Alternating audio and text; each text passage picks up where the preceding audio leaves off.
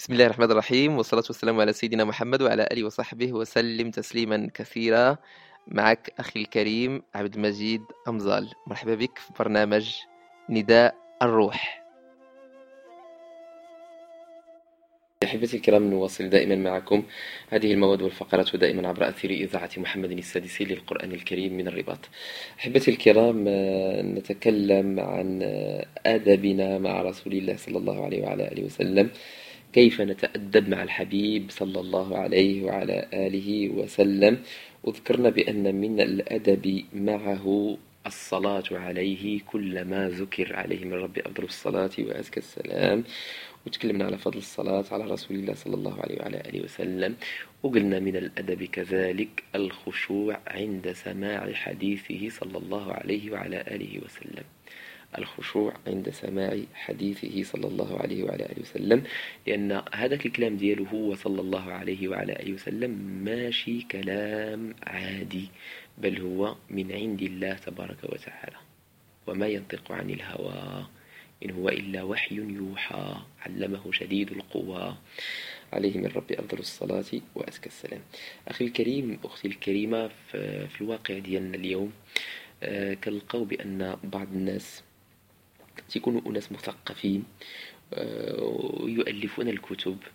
فتجد بأنه يؤلف كتابا من 400 صفحة أو 500 صفحة أقل أو أكثر. وكتلقاه مثلا عندما يصل إلى ذكر رسول الله صلى الله عليه وعلى آله وسلم يذكره هكذا آه، قال رسول الله آه، في حديث وكذا وما كاين لا صلى الله عليه وعلى آله وسلم لا حاجة حتى ديك الصلاة لا يكتبها. وهو كاتب 800 صفحة ويستخسر في رسول الله صلى الله عليه وسلم أربعة ديال الكلمات. صلى الله عليه وسلم ما تيقدرش يديرها.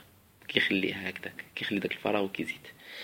أو تجده في أحسن الأحوال كيدير قدام صل... قدام محمد صلى الله عليه وعلى آله وسلم كيدير واحد الصاد ياك كيكتب واحد الصاد. وزعما صافي راني درت اللي عليا درت الواجب. وكتحس به بأنه كتجيه ثقيلة يكتب هذيك صلى الله عليه وعلى آله وسلم. وبيني وبينكم أيها المستمعون الكرام آه، أنا كنت كنعقل ملي كنا صغار كنكتبوا الإنشاء. كانوا بعض المعلمين كانوا تيقول لنا علاش غتكتبها طويلة هكذا؟ صافي دير صاد.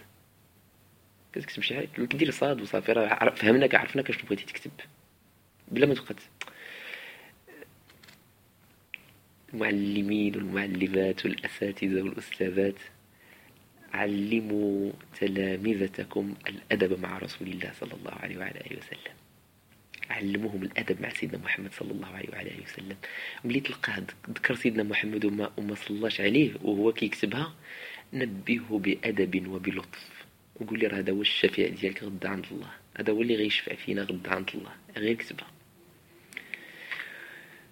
والله العظيم أخي الكريم وأختي الكريمة كاينة شي أحاديث الإنسان للأسف آه، يعني ما كيعرفهاش وما مطلعش عليها وما كيعرفش الثواب ديال بعض الأعمال اللي كتبان لنا حنا صغيرة جدا ولكنها عند الله عظيمة.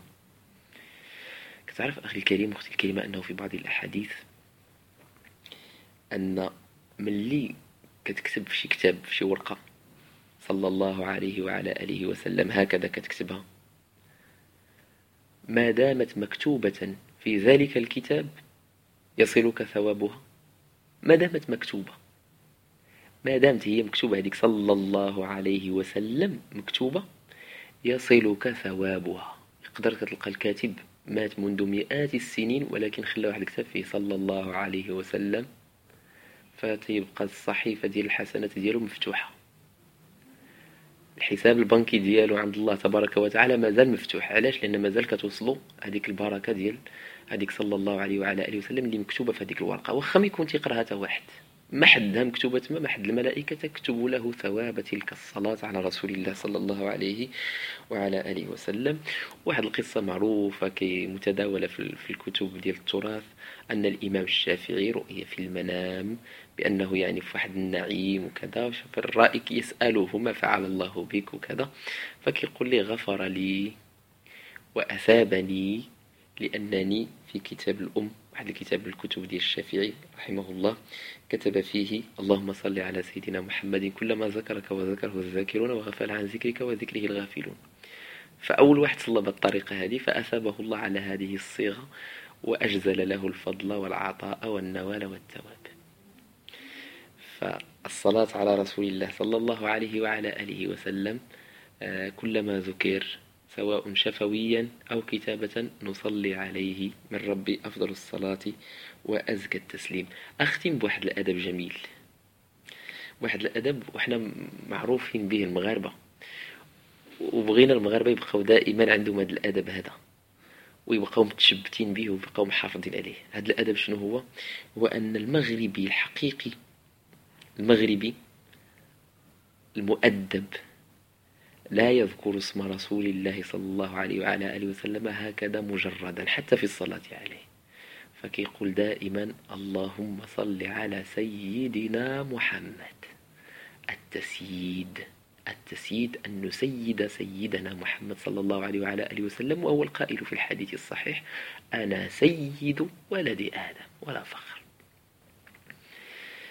أنا سيد ولد آدم ولا فخر. بعض الناس كيقول لك ملي الصحابة كيسولوا سيدنا محمد كيقولوا ليه علمنا كيف نصلي عليك؟ فقال لهم قولوا اللهم صل على محمد وعلى آل محمد كما صليت على إبراهيم وعلى آل إبراهيم. مزيان. وبغيتي يقول لك اللهم صل على سيدنا محمد يبدا السيد في نفسه. ما جاتش.